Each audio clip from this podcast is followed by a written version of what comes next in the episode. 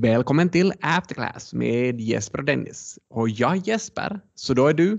Dennis, Perfekt. Har vi något nytt från veckan, Dennis? det händer som vanligt väldigt mycket. En ny sak är att Jeff Bezos, du vet Amazons grundare och VD, nu ska avgå från VD-posten. Var det så att han stannar ännu kvar som styrelseordförande? Jo, han skiljer sig inte desto mera från sitt kära bolag, men han kanske har andra saker att fundera på. Så det är den här Andy Jassy som ska ta över. En person som då har fungerat i företaget ganska länge. Andy Jassy?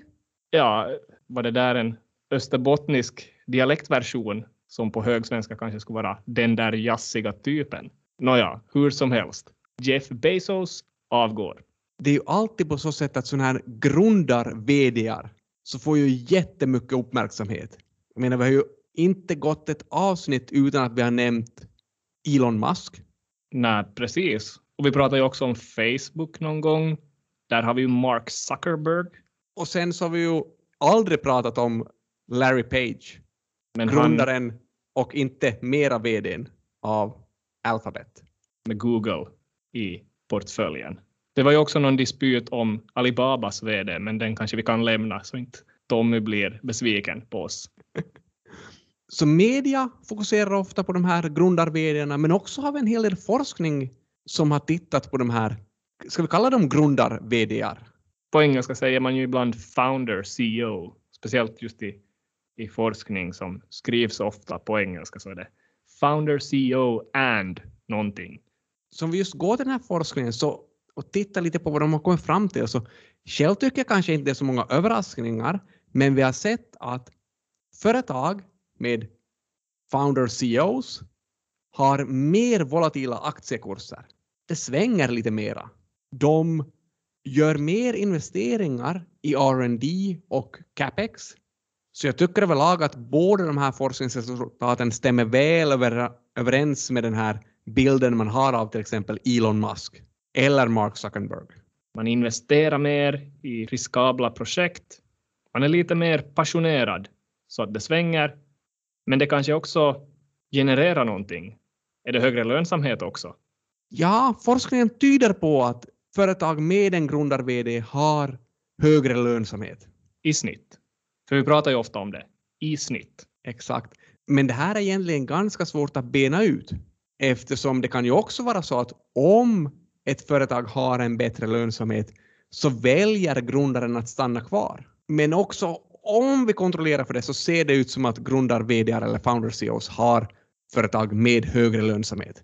Så inte vet jag, är det här ett litet investeringstips vi har här? Det låter lite som det. Samtidigt har vi ju det där resultatet från våra egna regressioner som vi har kört någon gång att grundar vd har mer arbetsskador i sina företag. Så man kanske inte vill arbeta för ett företag med grundar vd. Stämmer det här överens med Elon Musk och Jeff Bezos? Det finns väl viss koppling. Jag tror media har lyft fram flera gånger att arbetarna i dessa företag kanske inte har det jättebra. Men Jeff då, Bezos alltså, vad ska han göra när han är klar med det här VD-uppdraget? Kanske han går tillbaka till att göra det som han gjorde före han startade Amazon? Ja, Amazon startade väl han 94. Före det så jobbade han på en firma som hette D.E. Shaw. Vet du vad det var för firma? Är det någon advokatbyrå? Det är typ en hedgefond. Så han jobbar i princip på Wall Street med matematisk finansiell modellering och kom upp sig ganska långt upp i den där firman också. Men han var en av de här elakingarna, en av hedgefondtyperna som vi pratade om förra avsnittet i det här stora kriget.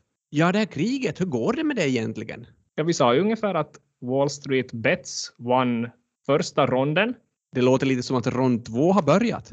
Ja, rond två kom igång och det blev väl lite reversering av de där uppåt-tickande priserna nog. Samtidigt håller vissa kvar sina positioner. Jag såg att den här personen som startade hela hetsen med GameStop exempelvis, den här personen med pseudonym Deep Fucking Value.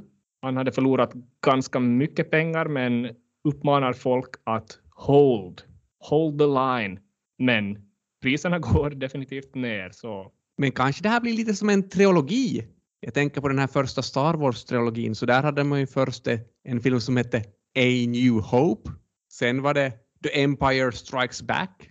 Sen kom ju Return of the Jedi. Så kanske vi ännu inte ska helt räkna ut Wall Street Bets-killarna. Så the Jedi, det är deep fucking value. Ja, i den här, i den här illustrationen var det så. Men Jeff, han verkar inte vara på Wall Street Bets-killarnas sida i den här fighten i alla fall. Övrigt som kan nämnas om Jeffs historia är ju att han eh, har en utbildning faktiskt från Princeton. Det är ju många gånger då man pratar om sån här framgångsrika VDR så säger man att ah, de hoppade av skolan och sen gick det bara bättre. Men i det här fallet så har han faktiskt en gedigen utbildning i bakfickan. Och det kan ju vara bra att ha en utbildning om man ska sitta med i en styrelse. Ja, alltså vad gör man i en styrelse? Ja, är det så att man fokuserar på de här riktigt stora linjedragningarna för hur företaget ska styras? Ja, och sen övervakar man ju också de som har hand om den dagliga verksamheten. Men vem har Jeff då till sin hjälp här när han ska utföra det här styrelseuppdraget? Så han är ju inte förstås ny till det här, han har ju suttit i Amazons styrelse sedan tidigare, men Det är faktiskt 11 personer med i den här styrelsen för Amazon. Vill du att jag ska räkna upp namnen eller? inte behöver du räkna upp namnen på alla. Men en sak jag undrar är, som ofta kommer upp i den här allmänna debatten också är, vad är könsfördelningen i den här styrelsen? Ja, du vill veta andelen kvinnor? Mm, då måste jag börja räkna här. Vi har Rosalind, Jamie, Judith, Indra och Patricia. Så fem av elva styrelsemedlemmar är kvinnor. Alltså det är en riktig superboard. Yes. Vi har alltså andelen kvinnor 45 procent. Hur vet du att Jamie är en kvinna? Jag kollar på bilden. Döm mig inte. Jag tänkte bara, jag har aldrig slagit med att Jamie skulle kunna vara ett kvinnorna. Men ja, vi går vidare. Procenten. 45. Så skulle det hålla i Norge? För i Norge finns det väl en, en kvoteringslag också som säger att större börsbolagsstyrelser måste ha en viss procent av vardera kön. Den procenten är väl 40, så det skulle hålla i Norge. Skulle det hålla i Island? Jag tror att i, för Island har man nämligen den samma modellen. Då skulle det hålla Island också. Har vi några andra länder som har den här samma kvotkravet? Ja, det kommer upp mer och mer sånt där att Tyskland har man eh, målet 30 procent, Frankrike 40 procent, Belgien 33 procent. Finland kanske det kommer, kanske inte. Det är ju faktiskt som man också i USA har börjat fundera på det här med lagar kring hur många kvinnor som borde vara med i styrelserna på stora börsbolag. Och där är då Kalifornien en föregångare. Där finns det sedan 2018 ett krav för börslistade bolag som har sitt huvudkvarter i Kalifornien att de ska ha kvinnor i styrelsen. Okej, räcker det med bara en eller ska det vara flera? man måste ha in en kvinna i styrelsen före slutet på 2019. Sen är det på så sätt att före slutet på 2021 ska man ha åtminstone en kvinna om man har fyra styrelsemedlemmar. Åtminstone två kvinnor om det är fem styrelsemedlemmar och tre kvinnor om det är sex eller fler styrelsemedlemmar. Jag menar, tror du att det finns någon forskning kring det här? Och med forskning menar du konsekvenser av att ha kvinnor i styrelsen? Ja, det är lite sånt jag är ute efter. Jag antar att folk har kollat på dylikt. Finns det någonting i JFI? Om vi går till GFI så hittar vi absolut någonting. Och vi hittar artiklar av en sån här Renee Adams. Hon har jag hört om. Hon är väl lite känd. Är känd här i Finland eftersom hon undervisade en kurs just för oss doktorander här i Finland. När jag var doktorand och gör väl det fortfarande. Nå, hur som helst. Och hon lyfte fram några positiva saker med att ha kvinnor i styrelsen. En positiv sak är bland annat att kvinnor tenderar att delta i fler styrelsemöten än män då. Ja, vad är motivet till det här då? I studien pratar de mer om att kvinnor gör saker mer ordentligt. Men kanske ännu en häftigare resultat från den här studien är att de visar att när det finns kvinnor med i styrelsen så deltar män också på fler styrelsemöten. Okej, så en positiv effekt. Kvinnor har en positiv effekt på manliga styrelsemedlemmars närvaro. Ja, exakt. Och bara för att klargöra det här så argumentet är i princip att de här kvinnliga styrelsemedlemmarna övervakar eller skapar tryck på de här manliga styrelsemedlemmarna. De också ska bete sig bra och göra ett bra jobb.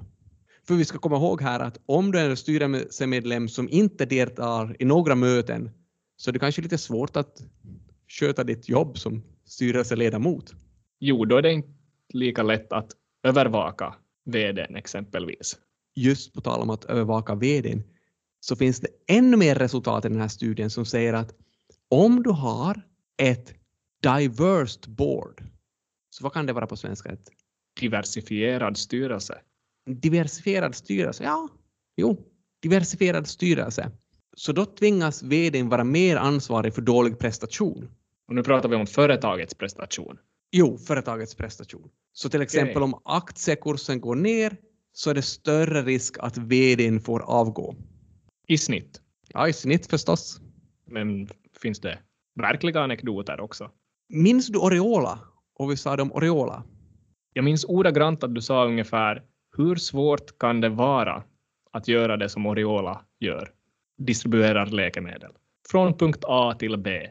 Men de har inte riktigt lyckades och avkastningen har varit negativ. Jo, och här i veckan så kom beskedet att Robert Andersson lämnar posten som Oriolas VD. Oj, oj, då blir ju följdfrågan hur många kvinnor sitter i Oriolas styrelse? Så de har sju personer i styrelsen, varav fyra är kvinnor. Det är ju närmare 60 procent. Jo, så man kan tänka sig det här mötet när de har i princip bara ropat åt Robert ut. Bye bye Robbe. Det var Robert, men i princip så är väl tanken med alla de här lagstiftningarna vi pratade om här tidigare att om du har en mer diversifierad styrelse så granskar man faktat som finns på bordet mer noggrant. Man kanske granskar varandra som styrelsemedlemmar mer noggrant och kanske granskar då vdn mer noggrant. Ja, det här med kvinnor i styrelsen, det är ju en grej. Men vad jag förstått så Kalifornien ska dra det här ännu ett steg längre nu, 2021. Okej. Det ska alltså komma ett nytt krav gällande börsnoterade företag med högkvarter i Kalifornien. Så de måste i framtiden ha åtminstone en styrelsemedlem från en underrepresenterad community, som de säger. Så vet du vad det betyder? Faktiskt så vet jag inte riktigt vad det betyder ännu, så förklara för mig. När jag läser här ordagrant att det måste finnas en individual who self-identifies as black, African American, Hispanic, Latino, Asian, Pacific Islander, Native American, Native Hawaiian, Alaska Native, or who self-identifies as gay, lesbian, bisexual or transgender. Förstod du någonting av vad jag sa där? Jo, jo, jo, jag förstod absolut vad du sa här.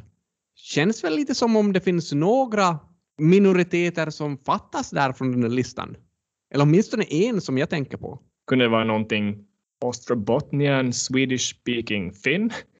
Ja, men de borde ju ab absolut räknas som en minoritet både i Finland och bland de här Swedish speaking Finns. I Finland så är ju faktiskt finlandssvenska människor ganska ändå väl representerade i våra börsbolagsstyrelser. Men om vi skulle få in det här, Ostrobotnian Swedish speaking Finns, i den här Kalifornienlagen så kanske vi skulle börja få samtal också. Vem vet? Ja, det är kanske större sannolikhet att någon ringer och frågar om vi vill vara med i en styrelse i Kalifornien än att någon frågar oss om vi vill delta i Super Bowl. Menar du på planen eller som halvtidsunderhållning? ja, kanske som halvtidsunderhållning i det här fallet. Ja, det, det är ju Super Bowl-tider.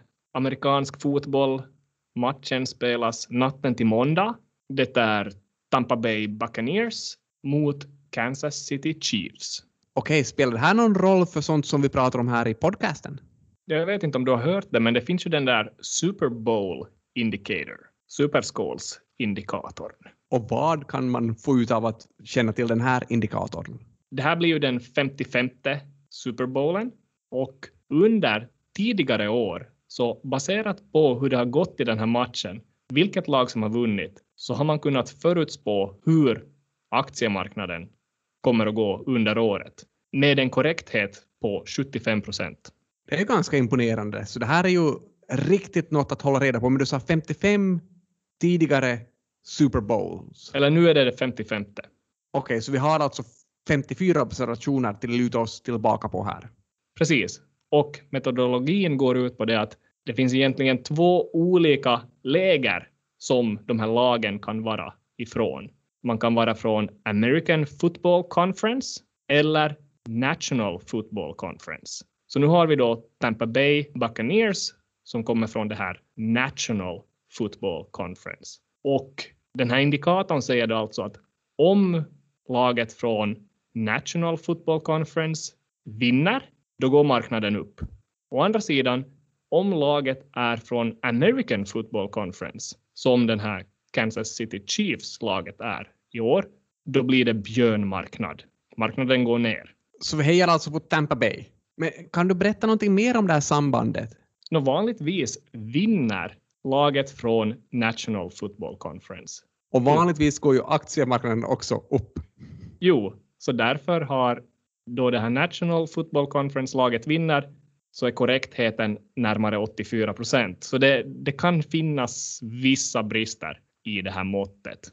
Men vinner Tom Bradys lag så ska det alltså se grönt ut i snitt. En stark korrelerande faktor med hur pass korrekt den här indikatorn är, är också hur mycket folk det är i publiken. Så att då publikmängden har varit mer än medeltalet så har indikatorn haft rätt 94 procent av gångerna. Hur blir det år då när man inte får ha någon publik? Ja, det blir väl nog en nagelbitare. Det är väldigt begränsat med publik, vilket gör det hela väldigt svårt att förutsäga. Ja, så nästa vecka blir en supervecka. Vi har först Super Bowl som kommer då natten till måndag och sen har vi en annan stor händelse på fredag också. Är det då vi får mer insikter i det nya avsnittet av After Class?